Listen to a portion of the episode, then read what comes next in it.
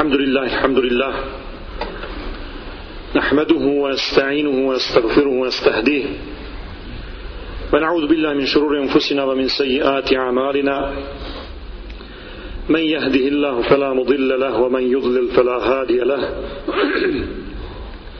واشهد أن لا إله إلا الله وحده لا شريك له واشهد أن سيدنا وإمامنا وأسرتنا وقائدنا محمدا عبد الله ورسوله بلغ الرسالة وأدى الأمانة ونصح للأمة وجاهد في الله حق جهاده اللهم صل وسلم وبارك عليه وعلى آله وأصحابه وأحينا اللهم على سنته ومتنا على ملته واحشرنا في زمرته مع الذين أنعمت عليهم من النبيين والصديقين والشهداء والصالحين وحسن أولئك رفيقا وبعد بس sestru islamu danas 7. Zulkaada šest godine po Hidžrištu odgovara 9. decembru 2005. godine po Isavu a.s.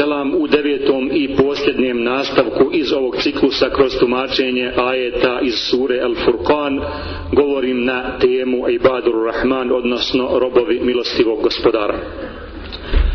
Robovi milostivog gospodara o kojima govore ajeti od 63. do 74. ajeta sure El furqan koje smo tumačili u prethodnih osam hutbi će za nagradu imati džennetske sobe, odnosno dvorce u koje će ulaziti sa dobrodošlicom i sa selamom što potvrđuje 75. ajet sure Al-Furqan bila ulaike yujzauna al gurfata bima sabaru wa yulaqawna fiha tahijatan wa selama oni će zato što su bili strpljivi, odnosno zbog toga što su saborili, biti nagrađeni džennetskim sobama ili dvorcima i u njima će dobrodošlicom i e, selamom biti dočekani.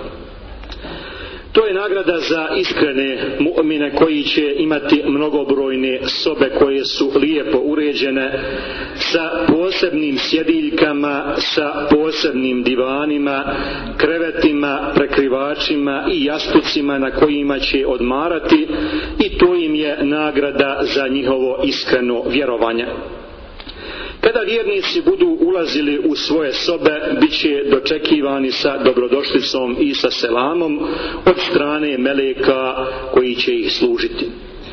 U tim odajama će vjernici biti sigurni.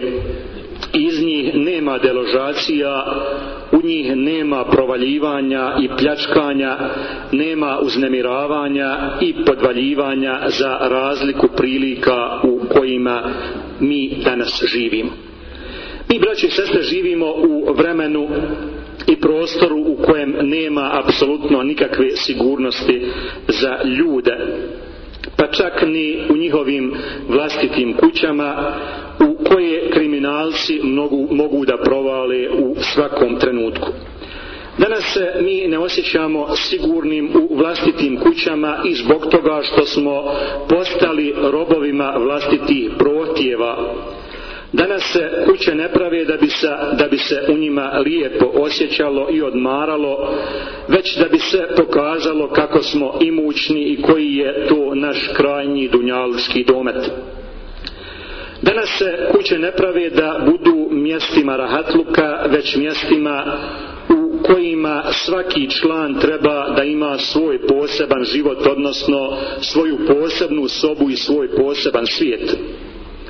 Danas se kuće nekih od nas, bez obzira koliko one bile uređene u materijalnom smislu, ipak su one devastirane iznutra jer u njima žive različiti svjetovi i svaki slan je priča za sebe. Danas se bošnjaci međusobno prisluškuju, jedni drugima proviruju i danas je sve postalo relativnim. Skoro sam to govorio, a hoću da ponovim za one koji nisu bili ovdje. Skoro mi jedan bošnjak reče da njegova djeca njega doživljavaju kako, kako rastu ta djeca i kako imaju sve veće materijalne e, prohtjeve i zahtjeve e, prema svom ocu.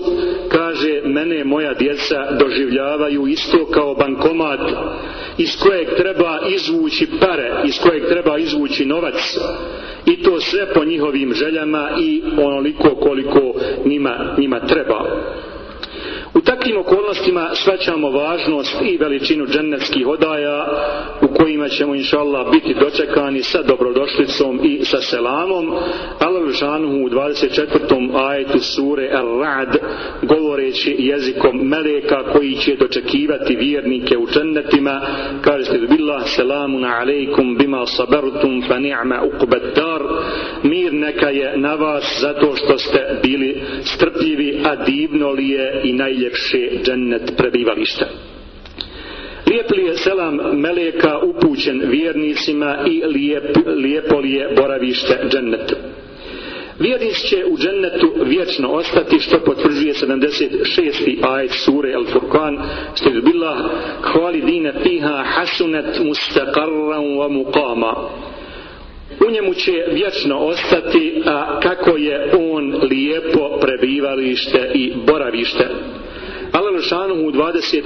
ajetu sure Es zumer govori o sobama u džennetu koje će biti jedne iznad drugi kao nagrada vjernicima. Sedubillah, lakin illadine takav rabbehum lahum gurafum min faukiha gurafum mabnijetun teđri min tahtiha l'anhar ba'da Allah la yuhlifu Allahu miad A one koji se gospodara svoga boje čekaju sobe, sve jedne iznad drugih sagrađene, ispod koji će rijeke teći. Obećanje je Allahovo, a Allah neće prekršiti svoje obećanje citiranom ajetu, 20. ajetu sure Az-Zumer, Elrošanhu spominje sobe jedne iznad drugih u kojima će boraviti njegovi iskreni robovi, a ispod njih, ispod tih soba, odnosno dvoraca, će teći rijeke kada neko na Dunjaluku hoće da sebi napravi ugođaj, onda gradi vikendicu ili kuću pored rijeke, ali na Dunjaluku nikada čovjek nije siguran da to jednoga dana ili jednoga trena neće biti potopljeno nekada tsunamijem, nekada katrinom ili nekim drugim plavnim valom. Međutim, dvorci u džennetu su e, sigurni od bilo kakvih nepogoda i bilo kakvih neprilika. U sljedećoj predaj poslanik sallallahu alaihi ve govori o tome kako će stanovnici dženneta moći gledati stanovnike soba koji će biti iznad njih isto kao što ljudi gledaju zvijezde na nebu. عن أبي هريرة رضي الله عنه أن رسول الله صلى عليه وسلم قال فنسي prenosi هريره رضي الله عنه da je poslanik الله عليه وسلم kazao ان اهل الجنه يتراءون في الجنة أهل الغرف كما تراءون الكوكب الدري الغارب في الأفق الطالع في تفاضل أهل الدرجات فقالوا يا رسول الله أولئك النبيون فقال النبي صلى الله عليه وسلم بلى والذي نفسي بيده وأقوام آمنوا بالله وصدقوا الرسل أخرجه أحمد Stanovnici dženneta će gledati u džennetske stanovnike soba, u džennetu stanovnike soba kao što gledaju sjajne zvijezde koje se pojave na, sjajnom obzorju i bit će različiti stepeni Pitali su ashabi, o Allahu poslaniće, jesu li to vjerovjesnici? Hoćemo li njih gledati u tako velikim uzvišenim sobama? Pa poslanik sallahu alaihi wasallam reče da, tako mi onoga u čijoj je ruci moj život, u njima će biti i ljudi koji su vjerovali u Allaha i koji su svjedočili njegove poslanike. U drugoj predaji koju prenosi Ebu Horeire radijallahu anhu stoji عن ابي هريره رضي الله عنه قلنا يا رسول الله انا اذا رايناك رقت قلوبنا وكنا من اهل الاخره فاذا فارقناك فارقناك اعجبتنا الدنيا وشممنا النساء والاولاد قال النبي صلى الله عليه وسلم لو انكم تكونون على كل حال على الحال التي انتم عليها عندي لصافحتكم الملائكه باكفكم ولجارتكم في بيوتكم ولو لم تذنبوا لجاء الله عز وجل بقوم يذنبون كي يغفر لهم قلنا يا رسول الله حدثنا عن الجنة ما بناؤها قال النبي صلى الله عليه وسلم لبنة ذهب ولبنة فضة وملاطها المسك الأظفر وحصباؤها اللؤلؤ والياقوت وترابها الزعفران من يدخلها ينعم ولا يبأس ويخلد ولا يموت لا تبلى ثيابه ولا يفنى شبابه أخرجه أحمد Prenosi Ebu di radijallahu anhu, rekli smo o Allahu poslaniće, kada tebe vidimo i kad smo u tvom društvu, srce nam se smekšaju za budući svijet i razmišljamo samo o budućem svijetu.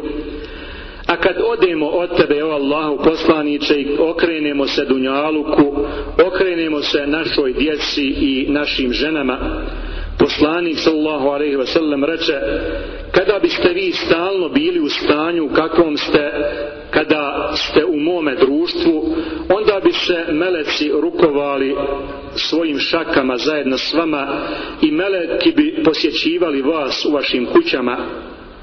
A da vi ne griješite, uzvišeni Allah bi umjesto vas, umjesto ljudi, stvorio ljude koji će griješiti da bi imao razloga da im oprosti. Rekli smo, o Allahu poslaniće, govori nam o džennetu, kako je džennet sagrađen, pa poslanik sallallahu alaihi wasallam reče, sigla od zlata, sigla od srebra, njihov malter je misk mirišljivi, njegov šljunak su biseri i drago kamenje, a njegova prašina, odnosno njegova zemlja je šafran.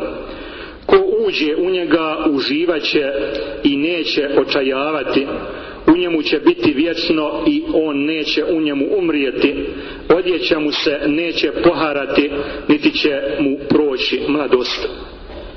Edo Žanuhu u 47. i u jednom posljednjem ajetu sura Al-Furqan kaže sve billah Kul ma ja'bav bikum rabbi laula du'aukum faqad kazzabtum saufa yakunu zama Reci Allah vam, vama vjernicima ne bi poklonio pažnju da nije vaših doba, a vi nevjernici ste poricali i vas neminovno čeka patnja. Žešanu govori poslaniku sallallahu alaihi wasallam da kaže ljudima da se on na njih ne bi osvrtao da se vjernici njemu ne obraćaju dovama.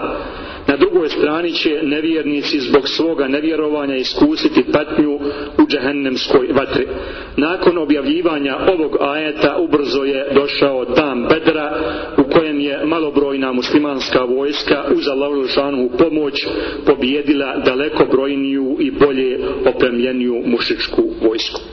Braćo i sestre, budimo od iskrenih Allahovih dušanu robova u želji da zaslužimo obećane džennete u kojima ćemo vječno ostati. I na kraju tri obavještenja.